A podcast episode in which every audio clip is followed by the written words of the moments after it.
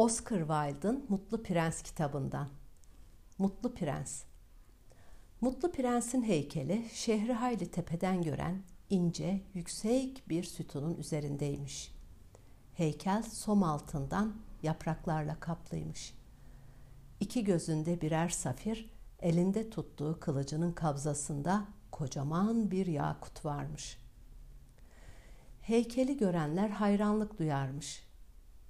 Bir gün şehirden küçük bir kırlangıç geçmiş. Arkadaşları altı hafta önce Mısır'a gitmiş.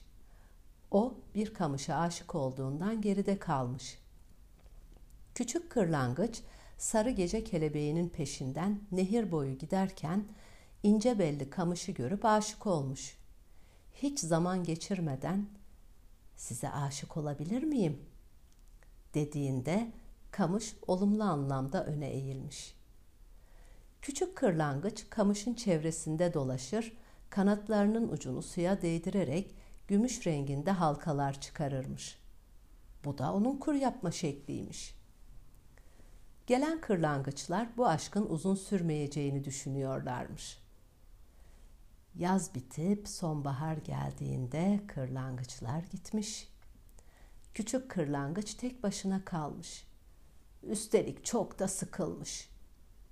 Kamışın evine bağlı olması güzel bir şeymiş. Lakin o seyahat etmeyi seviyormuş. Benimle gelir misin? diye sorduğunda kamış olumsuz anlamda başını iki yana sallamış. O halde ben gidiyorum. Hoşça kal deyip oradan ayrılmış. Gün boyu uçmuş. Gece şehre ulaştığında uyumak için bir yer ararken heykeli görüp ayaklarının arasına konmuş. Oh, burada çok güzelmiş. Üstelik altından bir yatağım var deyip başını kanatlarının altına uyumak için koyarken bir su damlası düşmüş. Bu da ne? Gökyüzünde bir tek bulut yok. Yıldızlar pırıl pırıl parlıyor. Bu havada yağmur yağmaz ki diye düşünürken ikinci su damlası düşmüş. Uyumak için bir baca külahı bulmalıyım deyip uçmaya hazırlanırken üçüncü su damlası düşmüş. Başını kaldırıp yukarı baktığında heykeli gözündeki yaşların altın yanaklarından süzülüp düştüğünü görünce sormuş. Sen de kimsin? Ben mutlu prensim demiş heykel. E o halde neden ağlıyorsun? Ben yaşarken, yüreğim insan yüreğiyken hüznün girmediği bir sarayda yaşıyordum. Mutlu olduğumdan saraydakiler bana mutlu prens derlerdi. Sarayı çevreleyen yüksek duvarların ardını merak edip sormazdım. Mutlu yaşıyordum. Gerçi zevk içinde yaşamak mutluluk demekse. Mutlu da öldüm. Şimdi bir ölüyüm. Şehirdeki sefaleti görmem için beni buraya diktiler. Yüreğim kurşundan olsa da ağlamaktan başka elimden bir şey gelmez. Kırlangıç, kırlangıç, uzakta bir ev görüyorum. Bir penceresi açık. Masanın başında oturan kadın dikiş dikiyor. O bir terzi. Odanın bir köşesindeki yatakta küçük çocuk ateşler içinde yatıyor. Annesinden portakal istiyor. Oysa annesinin ona sudan başka verebileceği bir şey yok. Çok yoksullar. Kılıcımın kabzasındaki yakutu ona götürür müsün? Demiş mutlu prens. Olmaz. Benim Mısır'a gitmem lazım. Hava çok soğuk. Arkadaşlarım beni bekliyor. Demiş kırlangıç. Kırlangıç, ayaklarım bu kaideye bağlı. Hareket edemiyorum. Annesi çocuğunun istediğini alamadığı için çok üzgün. Bu gece benimle kal. Benim ulağım ol. Yakut'u onlara götür. İyi kalpli kırlangıç tamam deyip gagasıyla kılıcın kabzasındaki Yakut'u alıp eve gitmiş. Açık olan pencereye konmuş. Kadın çok yorgun olduğundan oturduğu yerde uyuyakalmış. Kırlangıç içeri girip masanın üzerindeki dikiş yüzüğünün yanına yakutu bırakmış. Yatakta yatan çocuğun üzerinde yavaş yavaş kanatlarını çırparak onu serinletmiş. Çocuk kendini iyi hissedince uyuyakalmış. Kırlangıç prensin yanına dönüp olanları anlatmış. Hava çok soğuk. Şimdi de sıcakladım. Deyince prens yaptığın iyilik mutluluk verdiği için sıcakladın diye yanıtlamış. Küçük kırlangıç prensin ayaklarının arasında uykuya dalmış. Sabah olduğunda nehre yıkanmaya gitmiş. Bir kuş bilimci kırlangıcı görünce bu mevsimde kırlangıcın burada olmaması gerekir deyip şaşkınlıkla onu izlemiş. Kırlangıç akşama yola çıkacağından heyecanlı ve sevinçliymiş. Bütün gün şehirde dolaşmış. Ay yükseldiğinde prensin yanına gidip Mısır'dan bir şey isteyip istemediğini sormuş. Prens o gece de kalmasını istemiş. Olmaz. Mısır'a gitmem lazım. Hava çok soğuk. Üstelik üşüten kar geliyor. Kırlangıç, kırlangıç. Şehrin diğer tarafında bir çatı katı var. Masanın başında oturan genç yazar tiyatro müdürünün sipariş verdiği oyunu yazıp bitirmek zorunda. Oysa odada ısıtıcı yok. Soğuktan elleri uyuşmuş, yazamıyor. Açlıktan bitkin bir vaziyette. Ne yani? Ona da mı yakut götürmemi istiyorsun? demiş kırlangıç. Ne yazık ki başka yakutum yok. Bir gözümdeki safiri ona götür. Kırlangıç itiraz etse de prensin gözündeki safiri çıkarıp almış. Çatı katına gitmiş. Çatıdaki delikten odaya girmiş. Masanın başında oturan başını ellerinin arasına almış. Yorgun, bitkin haldeki yazar kırlangıcı fark etmemiş. Kırlangıç gagasındaki safiri masanın üzerine bırakıp çıkmış. Ertesi gün limana demirleyen yük gemisinin direğine konup tayfaların ambardan yük taşımasını gün boyu izlemiş. Ay yükseldiğinde vedalaşmak için prense gitmiş.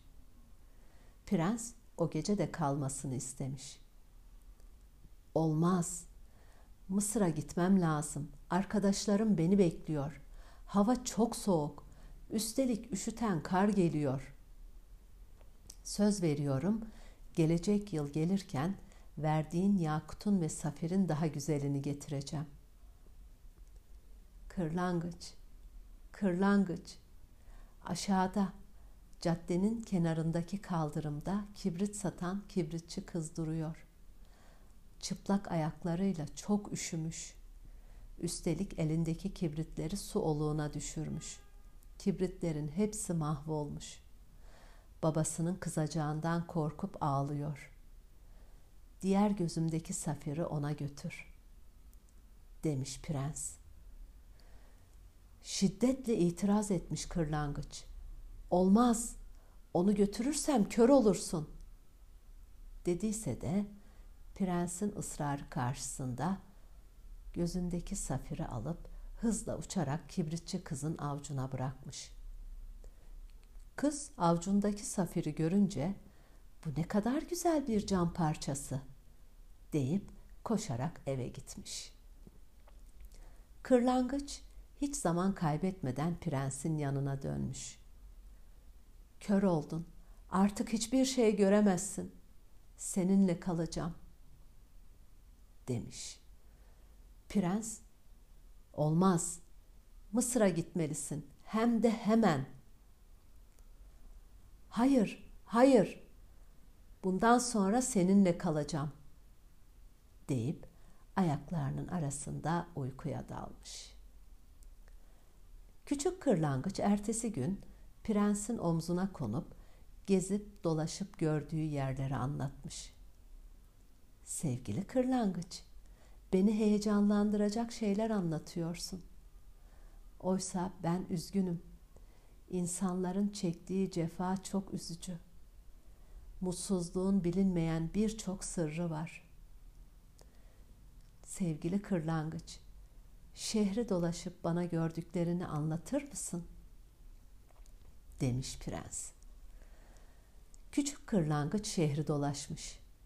Zenginlerin nasıl yaşadığını, yoksulların nasıl yaşadığını, açlıklarını, şehirde neler olup bittiğini, köprünün kemerinin altında iki küçük çocuğun ısınmak için birbirlerine sarılıp bu gece ne kadar açız değil mi dediklerini her şeyi prense anlatmış.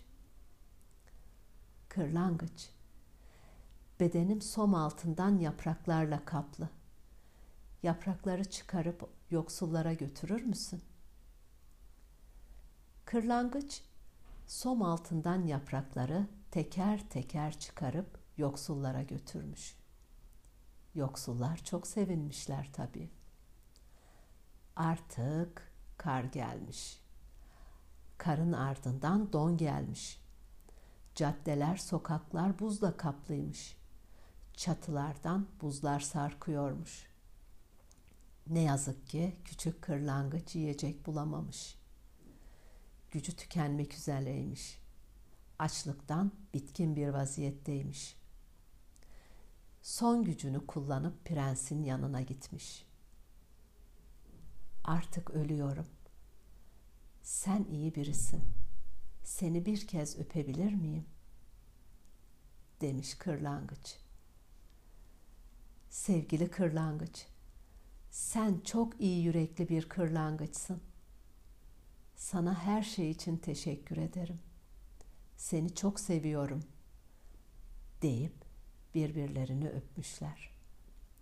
Kırlangıç prensin ayaklarının dibine düşmüş. Tam o sırada bir çıtırtı duyulmuş. Prensin kurşundan yüreği ikiye bölünmüş. Gerçi bu soğuğun etkisiyleymiş. Ertesi gün belediye başkanı ve heyettekiler şehri dolaşırken prensin heykelinin grileştiğini görüp merak etmişler.